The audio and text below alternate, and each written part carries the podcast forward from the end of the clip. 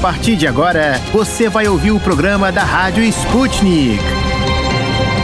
Olá, queridos ouvintes. Meu nome é Ana Liv Esteves e eu tô aqui com o meu colega Pablo Rodrigues para comandar mais um programa da Rádio Sputnik diretamente de Moscou. Saudações ouvintes, é um prazer começar mais uma semana juntinho de vocês. Vamos conferir os destaques desta segunda-feira, 27 de dezembro. A gente está acompanhando de perto a situação na Bahia, onde fortes chuvas já deixaram 18 pessoas mortas e milhares de desabrigados. 72 cidades baianas estão em situação de emergência, de acordo com o governo do estado. A situação foi agravada ainda mais após o rompimento de duas barragens, enquanto a cidade de Itajuípe, no sul do estado, foi completamente tomada pela água. No domingo, 26 de dezembro, o governador Rui Costa sobrevoou as regiões atingidas e falou em aspas: tragédia gigantesca. E infelizmente as chuvas devem continuar a cair na Bahia pelo menos até a próxima terça-feira, dia 28 de dezembro, de acordo com o Centro Nacional de Monitoramento e Alertas de Desastres Naturais. Dentre os destaques internacionais, Israel decidiu dobrar o número dos seus cidadãos nos territórios da Colinas de Golã. As colinas do Golã são internacionalmente reconhecidas como território sírio ocupado por Israel. O governo israelense aprovou um plano de 317 milhões de dólares, o equivalente a 1,7 bilhão de reais, para construir dois novos assentamentos e milhares de unidades habitacionais nas comunidades existentes. Um total de 7.300 unidades adicionais vão ser construídas na vila de Katzrin e na região das colinas do Golã como um todo nos próximos cinco anos para atrair mais 23 mil moradores para os territórios ocupados. Além disso, mais 4 mil unidades habitacionais vão ser construídas nos assentamentos de Asif e Matar. O primeiro-ministro do país, o Naftali Bennett, declarou que, aspas, nosso objetivo hoje é dobrar a população das colinas de Golã. A necessidade de fortalecer, cultivar a terra e viver nelas é certamente um princípio que nos une a todos. Os assentamentos de Israel em territórios ocupados são qualificados como ilegais pelas Nações Unidas, mas como a administração Trump nos Estados Unidos deixou de condenar a construção de assentamentos, a possibilidade de condenação internacional segue baixa. Outro destaque vem do Reino Unido, onde o ministro da Segurança, o Damian Hines, classificou Rússia, China e Irã como nações hostis. De acordo com o britânico, esses três países têm aspas potencial humano, grande presença cibernética e são capazes de implantar suas forças em larga escala. No início de dezembro, o Serviço de Inteligência Exterior da Rússia, por sua vez, afirmou que as provocativas e infundadas declarações do chefe do Serviço de Inteligência Britânica, o Richard Moore, sobre supostas ameaças provenientes da Rússia minam as chances de um possível diálogo entre Londres e Moscou. E nessa segunda-feira, 27 de dezembro, o parlamento da Belarus apresentou propostas de emendas constitucionais que devem flexibilizar o sistema político do país. Uma das emendas sugere que o presidente do país pode ser destituído pela Assembleia Popular Belarussa em caso de violação sistemática da Constituição do país pelo incumbente ou em caso de traição. As emendas vão ser debatidas pelo Parlamento Nacional Belorrusso e, caso elas sejam aprovadas, vão entrar em vigor só a partir do início de um novo mandato presidencial. A gente fica de olho, caros ouvintes, mas vamos lá ver o que mais a gente preparou para o nosso programa de hoje. E no programa de hoje. No Destrinchando a Charada Brasil, vamos falar sobre os efeitos do reajuste no salário mínimo para 2022, sem aumento real. No Esqueceram de Mim em Portugal, a Luísa Ramos vai revelar onde e como os portugueses vão passar a virada de 2022. O Bombando no YouTube vai dar detalhes da simulação de ataque de militares do Irã contra um centro nuclear de Israel. No Destrinchando a Charada Internacional, a gente vai conversar com um especialista sobre os desafios e oportunidades de implantar a matriz energética limpa na América Latina. O Hora do Problema vai contar com a ajuda de Ayrton Sampaio em quantas filas é preciso entrar para conseguir uma permissão de moradia na Rússia. O Deu Russo, que é o nosso quadro de bizarrices da Rússia, vai contar a história do pequeno Vânia, que saiu sonâmbulo pelas ruas frias de Moscou. Destrinchando a charada. De dentro e fora do Brasil. Política, economia, sociedade e tudo que engloba o maior país da América Latina. As charadas mais complicadas do Brasil são destrinchadas aqui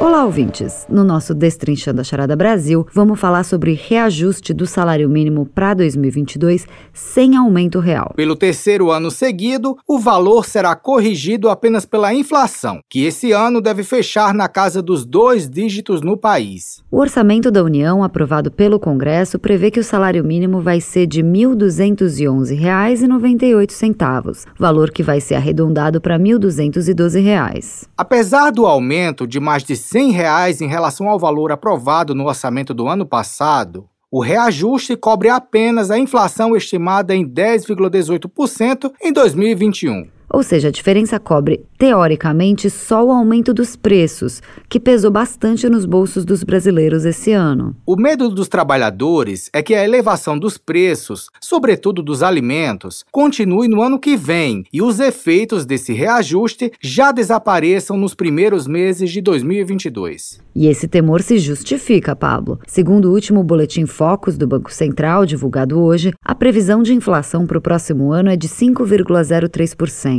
Mais uma vez estourando o teto da meta estabelecida pelo governo, que é de 5%. O deste ano era de 5,25%. Para completar, a projeção de crescimento econômico para 2022 é de apenas 0,42%. De acordo com o Departamento Intersindical de Estatística e Estudos Socioeconômicos, o DIEESE, o valor do salário mínimo deveria ser de R$ 5.969,17 centavos. Esse valor seria o necessário para suprir as necessidades básicas de uma família brasileira de quatro pessoas, segundo a pesquisa nacional da cesta básica de alimentos do Diese. Esse é o maior valor da história e foi influenciado pela alta dos preços. O valor já supera em 5,42 o piso nacional em vigor atualmente, que é de R$ 1.100. Para falar sobre esse cenário, convidamos a supervisora de pesquisa de preços do DIEESE, Patrícia Costa. Patrícia, muito obrigada pela sua participação hoje aqui com a gente. Patrícia, como você avalia o reajuste do salário mínimo mais uma vez sem aumento real para o trabalhador? Eu acho que nesse momento é muito complicado. A gente sabe que essa escolha é uma escolha de governo de abandonar a política de salário mínimo né, política de valorização do salário mínimo tão importante como a gente observou até 2018, né, quando foi o último ano da política, e que é mais uma vez um outro motivo que indica o não crescimento da economia.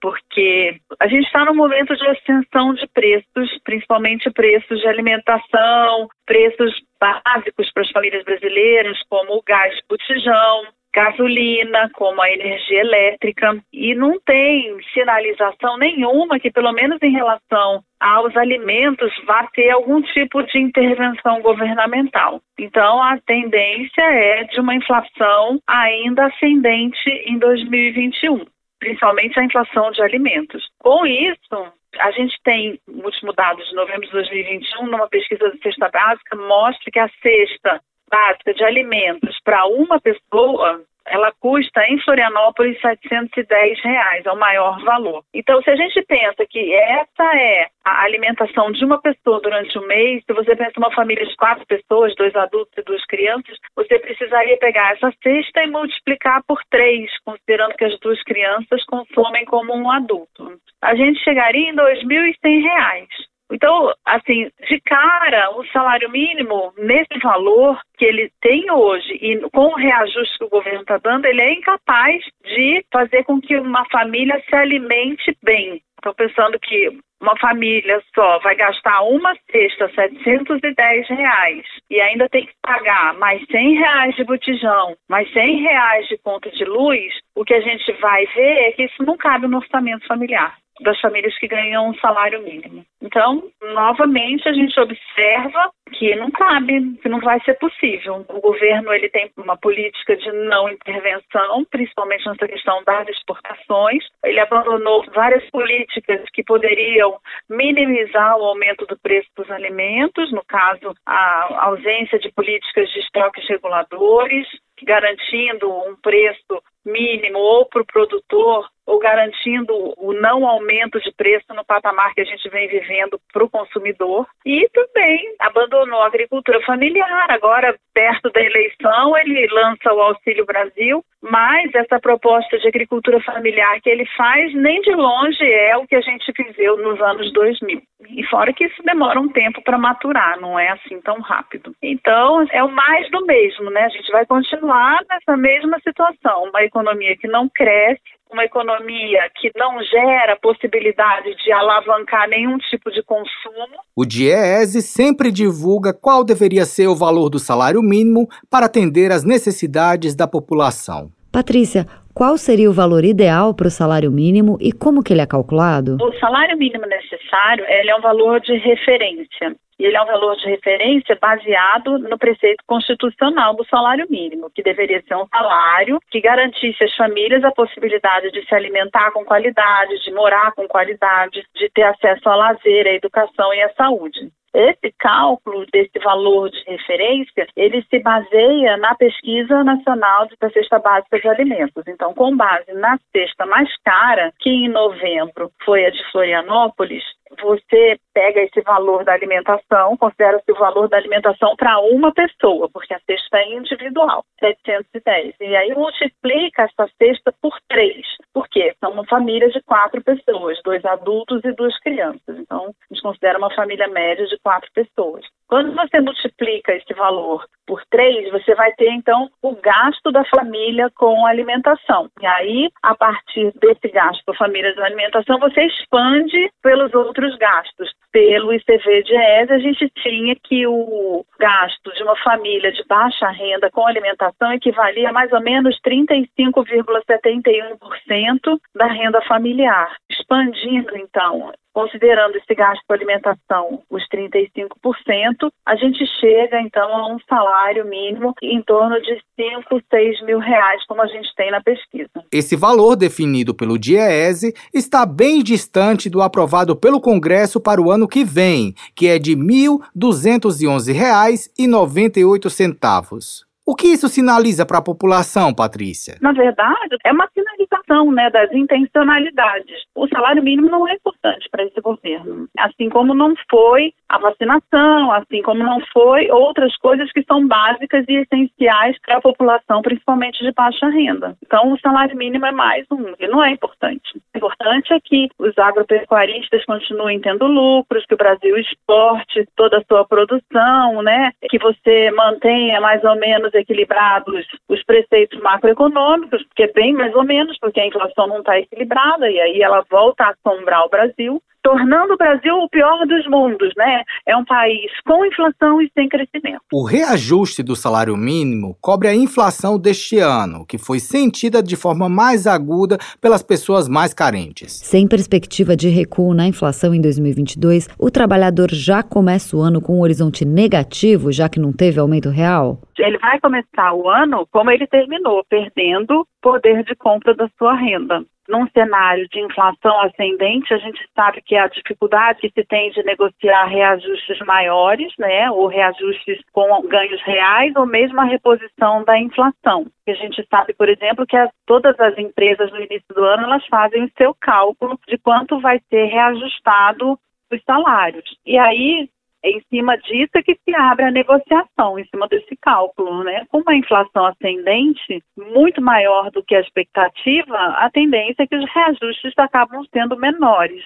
ou iguais à inflação. E é o que a gente vê no salário mínimo. Então, o que acontece com a renda do trabalho? Ela perde poder de compra. O que acontece com o salário mínimo? Perde poder de compra. Então, o, o trabalhador brasileiro ele vai ter o reajuste do salário mínimo, mas ele já vai iniciar janeiro com perda do poder de compra do salário mínimo, porque a inflação vai continuar subindo. Nada indica que vá mudar, porque a gente está exportando muita carne, a gente está exportando muita soja, a questão do combustível não está equacionada, né? Então a gente agora está vendo queda no preço dos combustíveis. Mas é nesse momento. Ao longo do ano, o combustível subiu muito, o gás subiu muito. E o salário vai continuar sem poder comprar itens básicos. Patrícia, sabemos que vocês acompanham a variação dos preços da cesta básica pelo país. A reposição da inflação no reajuste do salário mínimo é suficiente para acompanhar o aumento nos preços da cesta básica? Então, o que acontece? A gente está dando em janeiro um reajuste passado, né? Então, ao longo do ano, um salário mínimo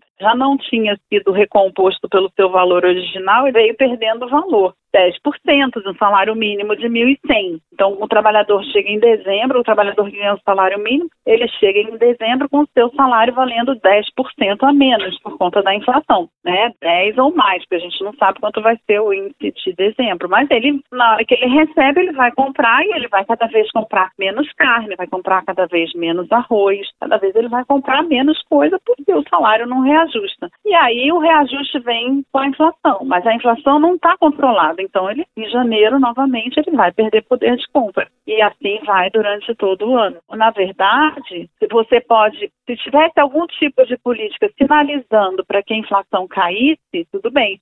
Acontece que a forma a gente, como a gente vem tratando a inflação, é, se ela cair é porque as pessoas estão deixando de comprar. E deixar de comprar na situação atual extremamente perverso porque você está fazendo com que as famílias não comprem arroz e feijão. Por exemplo, na cesta básica, em novembro, nós observamos a queda do preço do arroz e do feijão. E o motivo real é porque não tem demanda para esses produtos, a demanda caiu, então as pessoas estão comendo menos. E você, então, utilizar da fome das pessoas para conter a inflação é perfeito. O trabalhador fica agora na torcida para que os preços dos alimentos não aumentem em 2022 como subiram em 2021. Patrícia, muito obrigada pela sua participação. Essa foi Patrícia Costa, supervisora de pesquisa de preços do DIEES. O Destrinchando a Charada Brasil de hoje fica por aqui, caros ouvintes. Até a próxima.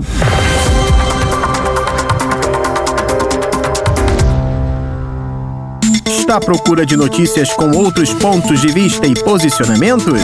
Curta nossa página no Facebook. É só digitar Sputnik Brasil na busca do Facebook e deixar sua curtida. Para ficar por dentro de todas as novidades, tanto mundiais como brasileiras, se inscreva no nosso canal do Telegram. É muito simples. É só você escrever Sputnik Brasil na busca do Telegram e se inscrever para receber as notificações. Esqueceram de mim em Portugal.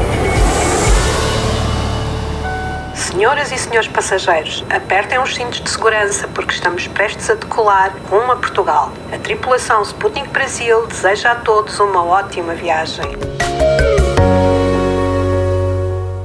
Segundou com notícias da Terrinha e a nossa correspondente já tem dados sobre a virada do ano em Portugal. Convidamos então a nossa amiga Luísa Ramos para contar tudo pra gente. Olá, Luísa. Olá, Pablo. Olá, Ana. E olá, ouvintes da Rádio Sputnik. Amigos, o que nós brasileiros chamamos de Réveillon vai ser bem calmo em terras lusas. E não apenas por conta do inverno. A proibição de aglomeração e fechamento de boates por conta dos crescentes números da pandemia também são uma das razões para isso. Uma pesquisa do Observador Cetelem revelou que mais da metade dos portugueses, 62%, vai ficar em casa na passagem de ano. O número aumenta conforme a idade. 83% das pessoas que têm a partir dos 55 anos deve preferir o conforto do lar para festejar a data. Os mais jovens, entre os 18 e os 34 anos, já preferem se juntar aos amigos. 33% dos entrevistados nessa faixa etária deve passar a festividade em casa de amigos ou de outros familiares. 8 em cada 10 pessoas, ou seja, 79% dos portugueses, vão festejar a virada de 2021 para 2022 apenas com os familiares mais íntimos, aqueles do núcleo familiar que vivem juntos. Os demais vão passar com outros familiares e ou com amigos. Este ano, no entanto, o orçamento está mais generoso em comparação ao ano passado. O plano dos entrevistados no estudo é de gastar uma média de 107 euros no último dia do ano, 22 euros a mais da média gasta no ano passado. Isso equivale a cerca de 685 reais. Por curiosidade, as faixas etárias que disseram que irão gastar mais na passagem de ano têm entre 25 e os 44 anos. Nessa conta, os idosos entre 65 e os 74 anos e os mais jovens, na faixa dos 18 aos 24, devem ter custos máximos em torno de 80 euros.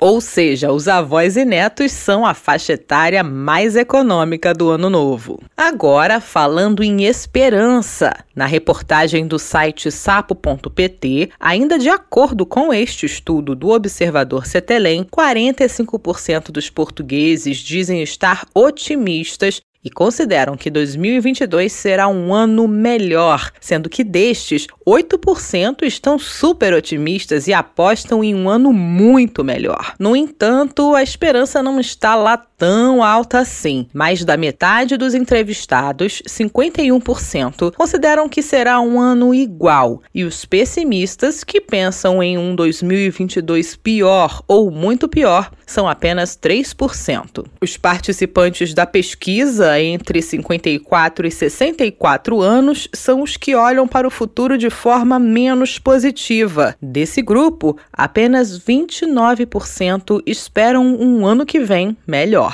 Nas áreas metropolitanas, a diferença é bem grande. Entre as pessoas entrevistadas na região do Porto, 57% estão mais otimistas para o ano novo, enquanto que na região da capital Lisboa, apenas 20% está confiante de que 2022 será melhor. Com relação aos desejos, os portugueses representam a todos nós. O que eles mais querem fazer no ano que vem é estar com a família, essa foi a resposta de 45% dos entrevistados, voltar a fazer algo que deixaram de fazer, foi a resposta de 27%, fazer viagens, 22%, e 18% disseram que pretendem ir a concertos como parte da lista dos planos para o próximo ano. E vocês, queridos ouvintes, o que pretendem fazer no ano que vem? Por hoje é isso, prezados ouvintes. Seguimos acompanhando tudo por aqui, informando para vocês sempre. Até amanhã. Eu confesso uma coisa, eu amo viver na Rússia e até acho que o Natal combina com o inverno, mas o ano novo, nossa, que saudade que dá de ver todo mundo vestido de branco pulando sete ondinhas. Muita saudade. Eu sempre passava na praia, queima de fogos, familiares e amigos brindando à meia-noite, comia uvas, pulava ondas, era tudo. Mesmo quem não acreditava nas superstições do Réveillon brasileiro fazia tudo só para garantir uma boa entrada no ano novo, né? Bom, eu tô com os portugueses em casa e com budget contado. Mas o importante é celebrar com saúde, não é mesmo, ouvintes? É isso mesmo, Pablo. A gente tá no mesmo barco com certeza. Lu, muito obrigada e até amanhã.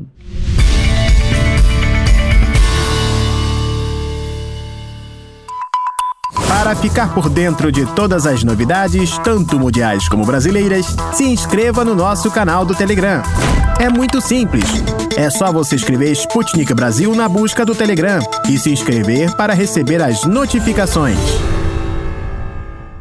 Os vídeos mais esperados estão disponíveis no nosso canal no YouTube. Para encontrá-lo é fácil. É só buscar Sputnik Brasil no YouTube, aproveitar as imagens e ainda se informar. Bombando no YouTube. Curtidas e mais curtidas da Rússia ao Brasil. Confira com a Rádio Sputnik os vídeos que receberam mais likes e visualizações e estão no topo do YouTube. E fique por dentro do que está sendo filmado por amadores ou profissionais pelo mundo afora. Diretamente da redação da Sputnik Brasil em Moscou, nosso colega Tito da Silva preparou o melhor top 5 do YouTube. Olá, Tito. Quais são os vídeos que estão bombando no YouTube hoje? Olá, queridos ouvintes da Rádio Sputnik. Eu sou o Tito da Silva e estes são os vídeos que estão bombando no YouTube nesta segunda-feira, 27 de dezembro. No primeiro vídeo da lista, militares iranianos ensaiaram um ataque massivo com mísseis balísticos e drones kamikaze contra o centro nuclear israelense de Dimona. No vídeo é possível ver o lançamento dos mísseis e drones que acabam caindo em uma maquete da instalação nuclear. O treinamento seria uma clara ameaça do Irã contra Israel, ao passo que Tel Aviv desenvolve planos de atacar instalações nucleares iranianas, acreditando que o Irã está prestes de produzir armas nucleares. Para assistir ao vídeo, é só digitar: Irã ensaia ataque massivo com mísseis contra instalação nuclear de Israel. E no segundo vídeo de hoje, enquanto a Europa vive preços recordes do gás natural, a empresa provedora de energia elétrica Stromio anunciou o fim de suas atividades na Alemanha. A decisão não seria unicamente da empresa, mas pelo menos outras sete provedoras de energia no país teriam tomado atitude semelhante desde outubro deste ano. Enquanto isso, a agência estatal reguladora do gás na Alemanha espera que outras empresas do setor de energia deverão encerrar suas atividades até 31 de dezembro, sendo que algumas teriam falido ao longo do ano, segundo a revista Focus. Se você deseja obter maiores detalhes, digite assim no YouTube. Várias empresas de energia já cessaram atividades na Alemanha. E no terceiro vídeo de hoje, militares britânicos já possuem um plano de evacuação da Ucrânia em caso de uma hipotética invasão russa, segundo fontes das Forças Armadas Britânicas contaram ao tabloide local Daily Express. O plano consiste em abandonar o território ucraniano através da Polônia. Desde 2015, militares britânicos concedem treinamento militar a soldados da Ucrânia em uma parceria que conta com países como Estados Unidos, Canadá e Polônia. Recentemente, autoridades da OTAN, em particular dos Estados Unidos, têm afirmado que a Rússia possui planos para entrar em território da Ucrânia e que tropas do país estão na fronteira bilateral. Por outro lado, Moscou tem denunciado as tentativas da Ucrânia de fazer parte da OTAN como mais um dos capítulos da expansão da aliança em direção às fronteiras russas e os eventos que sucederam no país desde o golpe que derrubou o ex-presidente Viktor Yanukovych em 2014. Para assistir ao vídeo, é só você digitar: Soldados britânicos já têm planos de abandonar a Ucrânia em caso de invasão russa, diz mídia. E no quarto vídeo de hoje, o canal Nerd Show escolheu alguns momentos em que a dublagem brasileira de filmes estrangeiros se superaram ou deram errado. E para isso, o canal escolheu cenas diferentes dos filmes de Shrek, cujo personagem principal foi inicialmente interpretado pelo humorista Bussunda, mas após a sua morte passou a ser a voz de Mauro Ramos. A verdade é que o Shrek tinha umas musiquinhas bem para longe do público infantil, mas que a dublagem brasileira conseguiu driblar muito bem. E no quinto vídeo de hoje, a morte é um tema que assusta muita gente, mas é impossível não pensar ou não falar dela. Abordando o assunto, o canal Fatos Desconhecidos fez um vídeo dos segredos sobre as funerárias que elas não querem que você saiba. Logo de cara, o canal conta o processo de cuidados com o corpo de um falecido logo depois da morte. O passo a passo até o envio do corpo ao cemitério envolve inclusive a remoção de pelos e várias medidas de conservação. Nos olhos são usados cremes hidratantes e a maquiagem é feita para esconder marcas e dar uma aparência melhorada para o falecido. Bom, tem que ter paciência e muito estômago para este tipo de trabalho. E por hoje é tudo, pessoal. Até mais! Tito comentou a dublagem de filmes e séries para o português e o caso bem-sucedido dos filmes do Shrek. E quando o assunto é dublar, só me vem à cabeça outro sucesso, o Chaves. Que dublagem show de bola, não é mesmo, Ana? Verdade, Pablo. Cada piada, cada frase recebeu uma dublagem perfeita para o português muitas vezes melhor até do que o idioma original da série, que era o espanhol, né? Lá nesse vídeo recomendado pelo Tito, há casos de desenhos animados que o idioma original não é o espanhol, não, mas um idioma dificílimo e nada parecido com português, o japonês. Vale muito a pena dar uma conferida na lista preparada pela galera do Nerd Show, pessoal. Tito, muito obrigada pelo top 5 do YouTube de hoje. Até amanhã.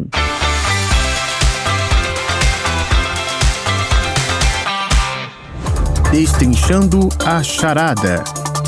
De dentro e fora do Brasil.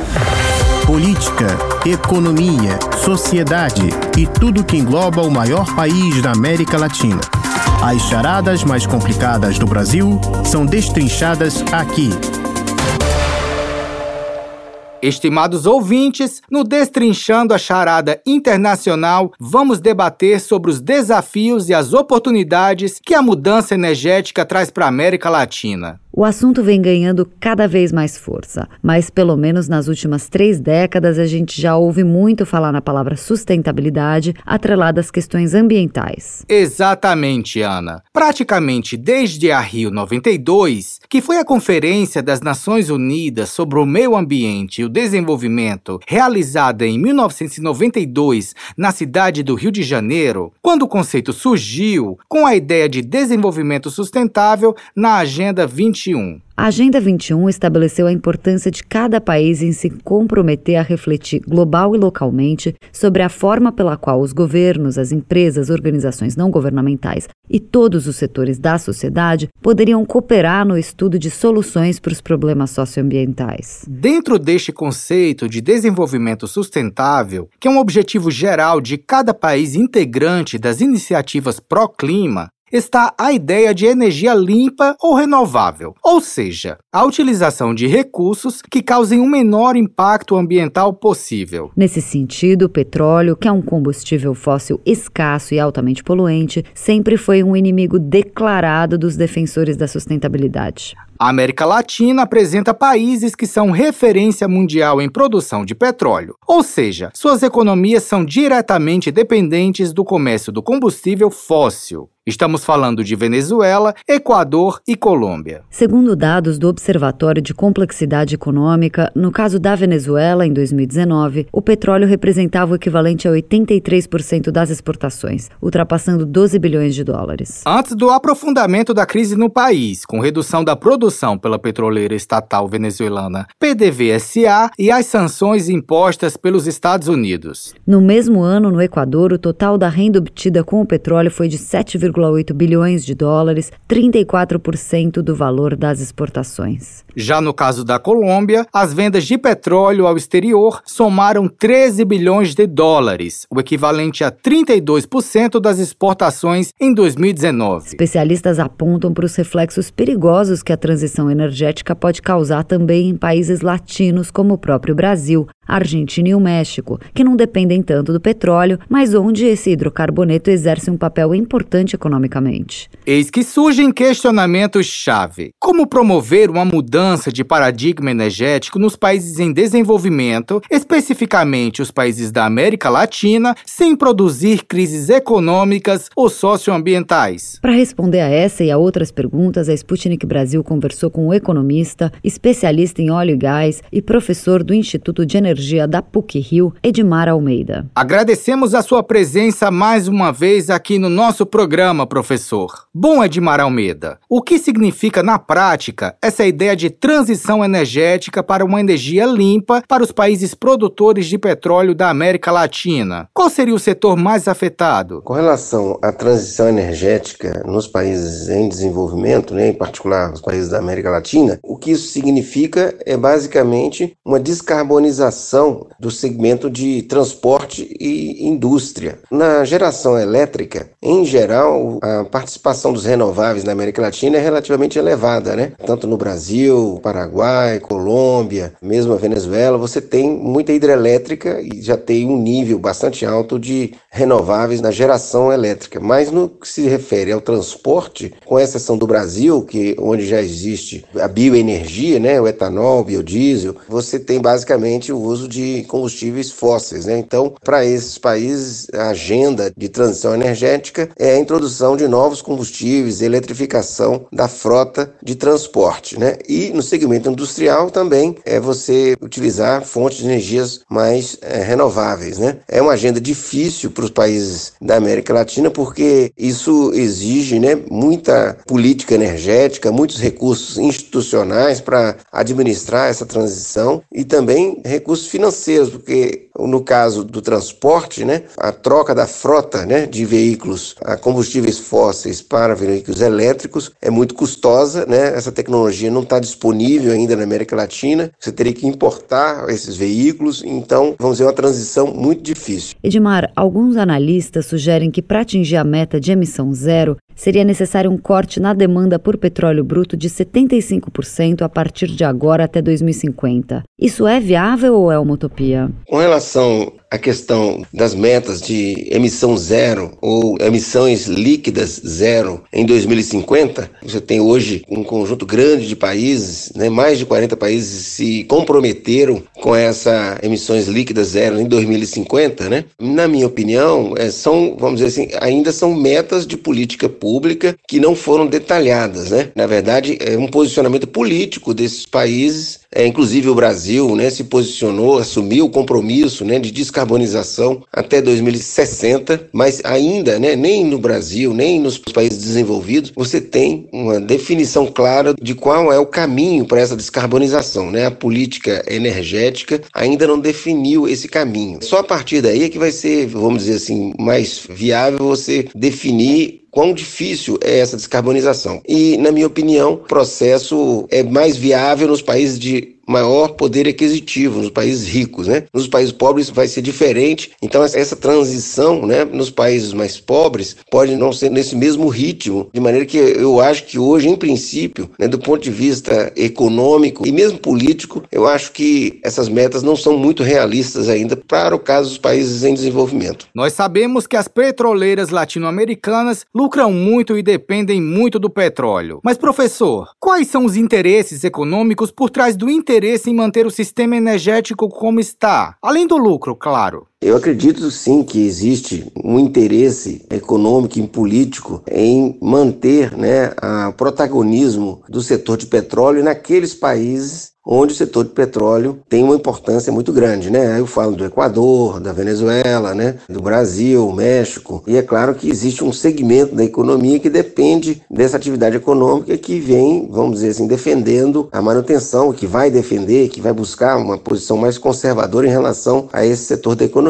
Mas de toda maneira, eu acredito que é necessário buscar uma agenda conciliação, né, do desenvolvimento dos recursos de petróleo e gás dos países com a agenda agenda de descarbonização. E isso é possível, existem, vamos dizer, trajetórias para descarbonização ou rotas de descarbonização dos combustíveis fósseis, né? Por exemplo, através da captura e estocagem de carbono, a diminuição da intensidade carbônica da produção do petróleo e do gás, e de maneira que você pode, né, a difusão do gás natural, né, em substituição ao petróleo na geração elétrica, por exemplo. Então existe ainda uma agenda que permite o desenvolvimento dos recursos petrolíferos por algum tempo e que é conciliável, né, com as metas de descarbonização da economia. O importante é esse alinhamento, né, de todos os stakeholders nessa direção. Por outro lado, professor, quais são os maiores interessados em reduzir as pegadas de carbono e emissões poluentes? Quem vão ser os mais beneficiados pela transição energética? Eu acredito que, na verdade, a questão da descarbonização ou da transição energética né, é uma questão generacional, né? É uma geração da sociedade né, que vê essa, a questão do aquecimento global como uma questão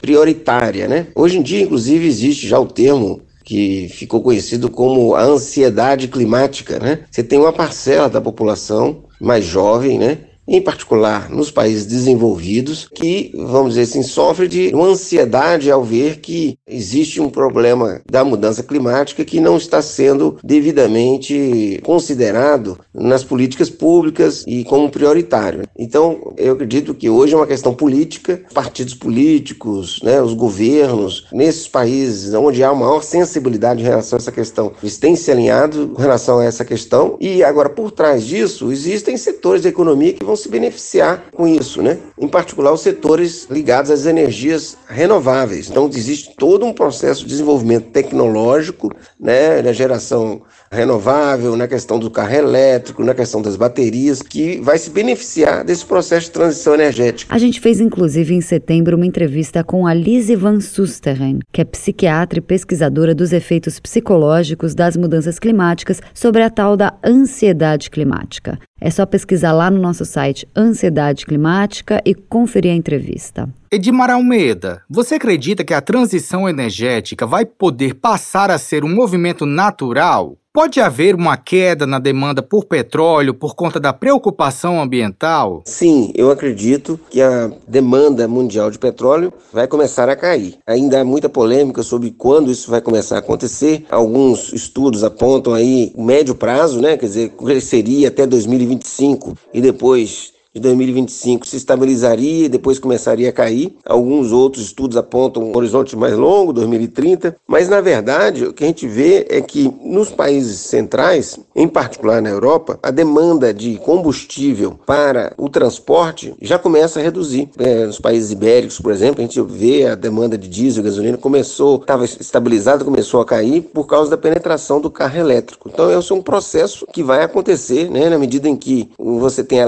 eletrificação eletrificação do transporte, a demanda por combustíveis começará a cair, mas isso não significa que vai haver uma redução rápida né, na demanda de combustíveis e na produção de petróleo. Isso pode levar décadas até você ter uma substituição no setor de transporte dos veículos diesel e gasolina. Isso pode levar muito tempo, em particular nos países em desenvolvimento. E além disso, também há o uso do petróleo né, em outros segmentos que você não tem hoje tecnologias para descarbonizar. Por exemplo, na aviação, por exemplo, no transporte marítimo, que esse sim pode levar ainda mais tempo. E a questão do petróleo petróleo e gás né, na petroquímica. Pode levar muito mais tempo para ser substituído, porque hoje você não tem alternativas tecnológicas. Né? Já tem algum cenário que sugira que os países latino-americanos com maior dependência do petróleo, como Venezuela, Equador e Colômbia, vão se adaptar às questões ambientais ou o contrário? É, evidências que os países latino-americanos já estão se alinhando né, com esse objetivo da transição energética, né, porque existem oportunidades muito interessantes para os países que são grandes consumidores de combustíveis fósseis, por exemplo, na geração elétrica. Né? Hoje, a geração solar e a geração eólica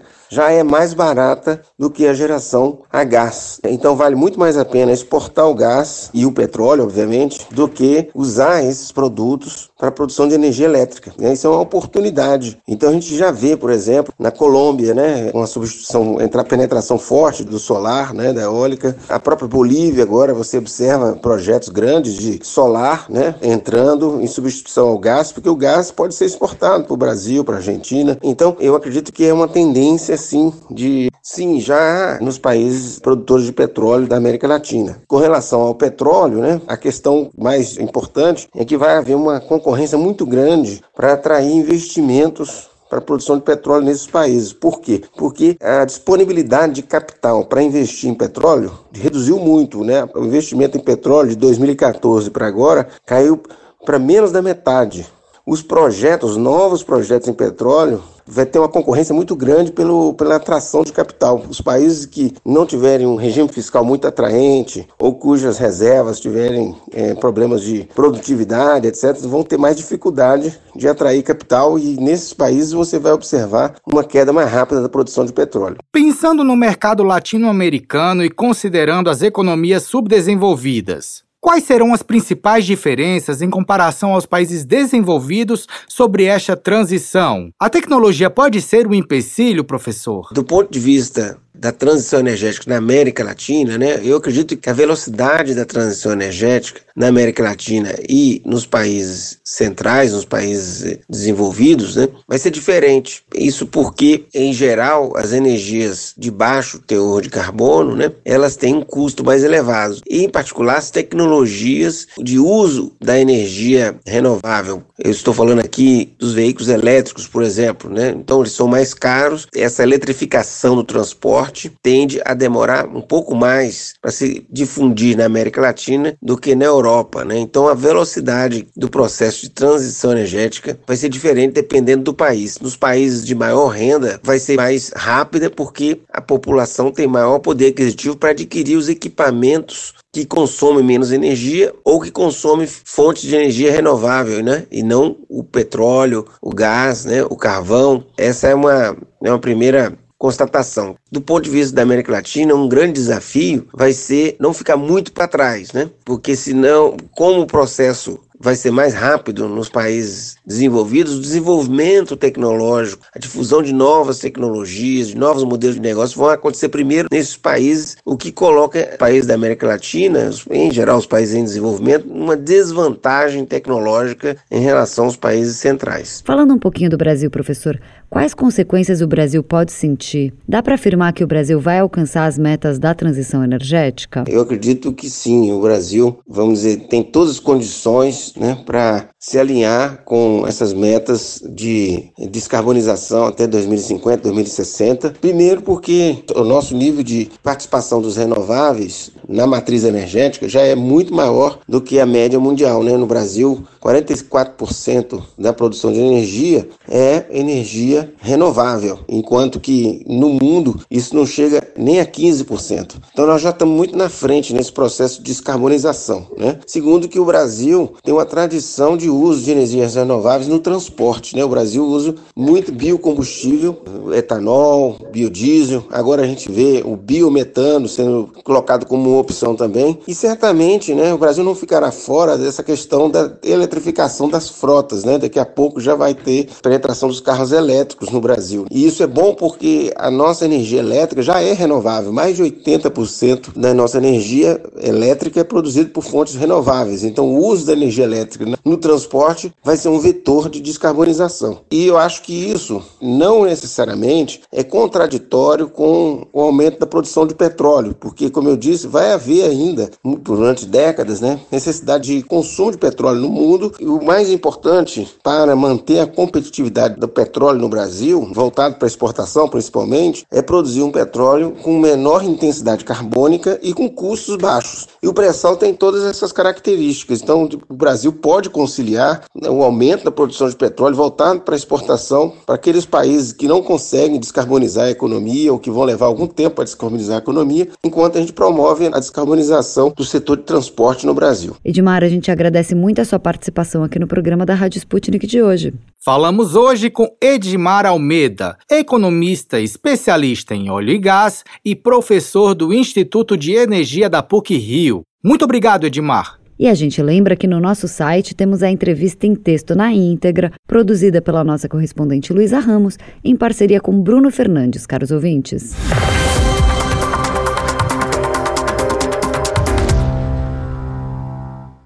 Está à procura de notícias com outros pontos de vista e posicionamentos? Curta nossa página no Facebook. É só digitar Sputnik Brasil na busca do Facebook e deixar sua curtida. Mistura do Brasil com Moscou. A mistura agora é com a Rússia e a coreografia já está pronta. Com os gingados russos e brasileiros, as relações estão em sintonia entre estes dois gigantes. Hora do Problema. Queridos ouvintes, o Hora do Problema de hoje tem a ver com a burocracia russa. Ana, só quem viveu sabe, não é mesmo? Verdade, Pablo. E olha, é um tema que interessa a todos os brasileiros que moram ou que pensam em morar aqui na Rússia. Para tirar algumas dúvidas sobre como viver legalmente nesse mundão russo, vamos bater um papo com Ayrton Sampaio, que já enfrentou várias filas para conseguir a permissão de moradia em Moscou. Olá, Ayrton. Desde quando você mora na capital russa? Olá a todos os ouvintes da Rádio Sputnik. Meu nome é Ayrton Sampaio. Eu moro em Moscou desde fevereiro de 2019 e trabalho com tecnologia, com TI, mas trabalho remotamente em projetos aí no Brasil. Ayrton, você sempre quis morar aqui na Rússia? O que, que te trouxe para cá? Eu nunca imaginei morar fora do Brasil e a Rússia não seria um dos primeiros lugares que viria à minha mente. Há aproximadamente cinco anos atrás, eu fui estudar inglês em Londres e na escola eu conheci a Helena, uma russa que era da minha sala. Vocês devem estar pensando, hum, já entendi. Mas não tivemos nenhum contato mais próximo. Então você veio para cá por amizade, Ayrton? Ou a relação entre vocês dois foi mudando com o tempo? Bem, e quando eu já estava no Brasil e ela em Moscou, trocávamos mensagens diariamente pelo WhatsApp e que a cada dia foram se tornando um pouco mais apaixonadas. Um dia ela sugeriu que passássemos um final de semana em Lisboa. Como era impraticável para mim, ela foi ao Brasil e realmente começamos a namorar. Após dois anos, nos encontrando apenas três vezes por ano, nós resolvemos morar junto em Moscou e nos casamos em 2020. Deve ser difícil ficar morando longe um do outro por tanto tempo, né? Ainda bem que vocês decidiram se casar. Mas, Ayrton, casar pode ser o passo mais fácil para conseguir viver legalmente na Rússia, não é mesmo? Quais as dificuldades que você enfrentou no começo? No primeiro ano, é sempre mais difícil, pois, além de aprender a se comunicar em russo, ainda temos a questão do visto de residência e trabalho. Queridos ouvintes, se a intenção é morar definitivamente na Rússia, então a ideia é conseguir primeiro uma permissão de moradia temporária para depois da entrada no processo de obtenção da permissão de moradia permanente. Em tese, se trata de um visto de maior validade, né? Porque se a permissão de moradia temporária tem uma validade de três anos, a permissão de moradia permanente não tem data para expirar. Ayrton, você poderia contar um pouco mais sobre o processo de obtenção da permissão de moradia, seja ela temporária ou permanente? E no seu caso, aonde você teve que ir? O processo de obtenção de vistos é bem trabalhoso e requer que você faça o agendamento pela internet, compareça a uma unidade específica para isso. Em Moscou, fica uma hora e meia de carro da minha casa. E lá você vai encontrar várias salas de espera bem lotada. Nossa, me dá até calafrios, Ana. Só Deus sabe quantas vezes eu fui ao centro migratório de Moscou. Trata-se de uma estrutura gigantesca, caros ouvintes. E lá são resolvidos todos os trâmites dos imigrantes. Ayrton, os russos são meticulosos na hora de conferir os documentos necessários para obtenção de permissão de moradia, não é mesmo? Tem um formulário que tem que ser preenchido e eles são bem criteriosos. Qualquer uma informação fora do lugar vai fazer com que você volte outro dia. Como eu já te falei, é bem longe você perde uma hora e meia para ir e, e, uma hora e meia ou mais para voltar. Se tiver trânsito, pode ser três horas. Não, vocês não têm noção, caros ouvintes. Amigos meus já me contaram que os funcionários do Centro Migratório de Moscou conferem vírgula por vírgula e se tiver um errinho pequeno dos documentos, não tem perdão, não.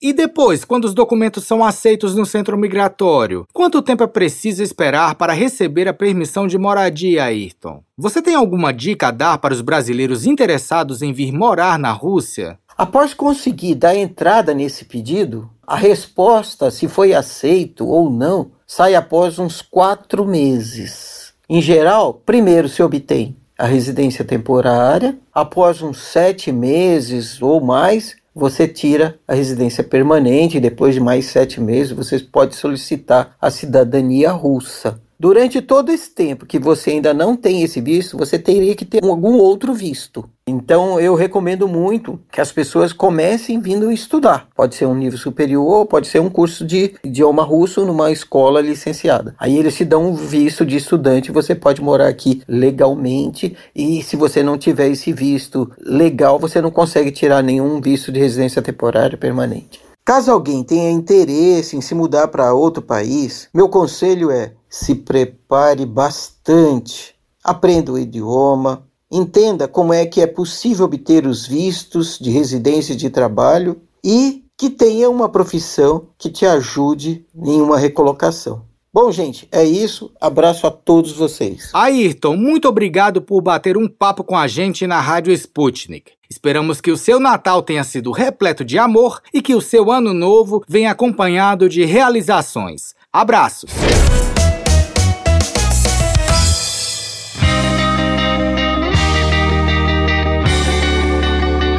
Deu Russo. De notícias bizarras do Brasil já estamos mais que saciados. E as bizarrices que acontecem na Rússia, hein? É outro nível, rapaziada. Ih, deu russo! Ser sonâmbulo já é um perigo. Agora imaginem, queridos ouvintes, sair de madrugada e debaixo de neve pelas ruas de Moscou dormindo. O sonâmbulo em questão é o pequeno moscovita Vânia, que tem apenas nove aninhos de idade. Em uma noite como outra qualquer, a mãe de Vânia deitou o filho na cama, desejou boa noite e bons sonhos, apagou a luz do quarto, deixou a porta entreaberta e foi dormir. Não demorou muito e o Vânia já pegou no sono. Foi aí que o sonho começou na cabeça desse pequeno moscovita.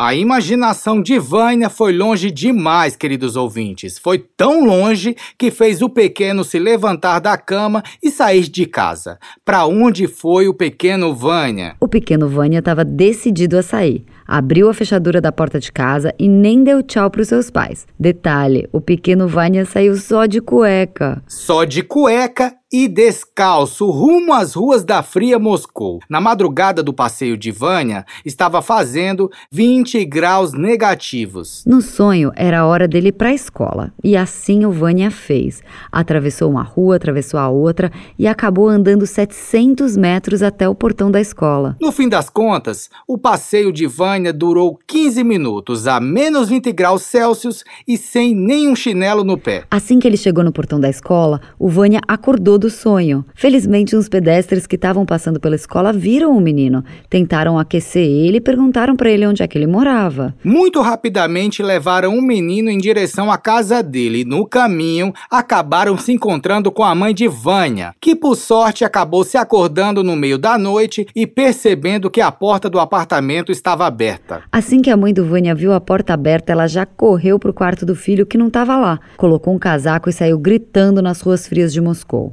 Após achar Vânia só de cueca na rua, a mãe dele ligou para o SAMU, que não demorou para chegar. A equipe médica que atendeu ao chamado, depois de examinar o Vânia, concluiu que o pequeninito não recebeu queimaduras pelo frio, mesmo depois de ter feito um passeio de 15 minutos a menos 20 graus. Vânia acabou simplesmente com um friozinho nas pernas, que passou depois de um bom chá quente e uma grossa coberta. De acordo com a mãe do Vânia, não é a primeira vez que esse pequenininho sai andando em enquanto dorme. Mas foi a primeira vez que ele saiu de casa. Antes, o Vânia ficava sonambulando só dentro do apartamento dele.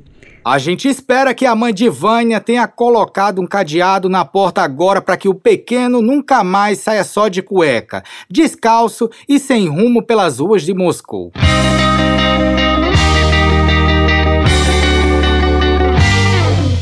Se vocês acham, queridos ouvintes, que na Rússia só tem ursos e lobos, vocês estão muito enganados, pois nesse mundão russo há espaço até mesmo para escorpiões. Nos arredores de Moscou, uma russinha de 11 anos foi picada por um escorpião, caros ouvintes. Esse bicho com certeza não devia estar onde ele estava. Em um dia gelado do lado de fora, a pequena Lisa estava em seu quarto brincando de boneca. Brinquedo vai, brinquedo vem, a russinha decidiu pegar um vestidinho para sua boneca que estava em uma caixa. Daí veio a picada. Pelo visto, para o escorpião, a caixa de brinquedos era um ótimo lugar para tirar um cochilo e se esconder, mas ele não sabia que a caixa já tinha dona. Quando a Russinha colocou a mão para pegar um brinquedo, a primeira coisa que veio à cabeça do escorpião foi se defender.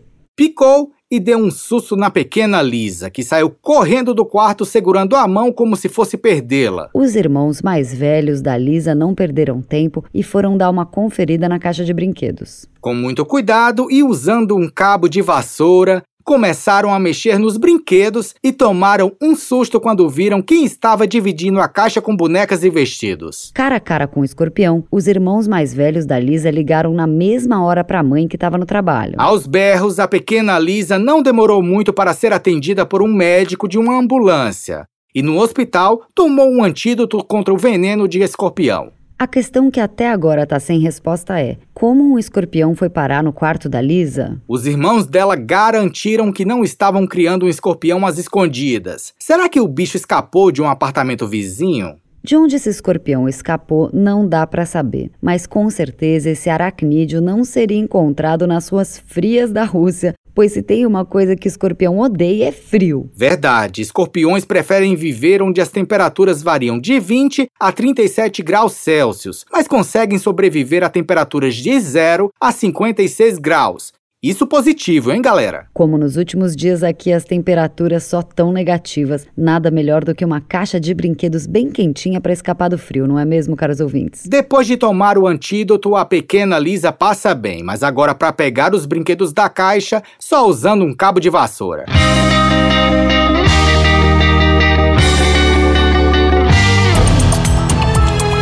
Hora de dar tchau.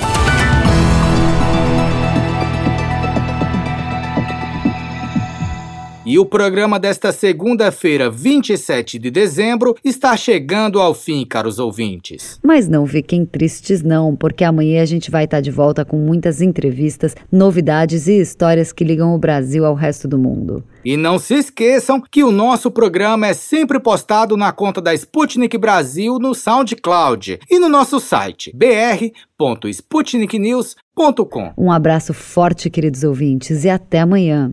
O programa da Rádio Sputnik teve apresentação, produção e edição de texto de Ana Lívia Esteves e Pablo Rodrigues, e produção de conteúdos e edição de texto de Everton Maia, Luísa Ramos e Tito da Silva. A edição e a montagem do programa são do Wellington Vieira e do Davi Costa. O editor-chefe da redação da Sputnik Brasil no Rio de Janeiro é Renan Lúcio e em Moscou, Konstantin Kuznetsov.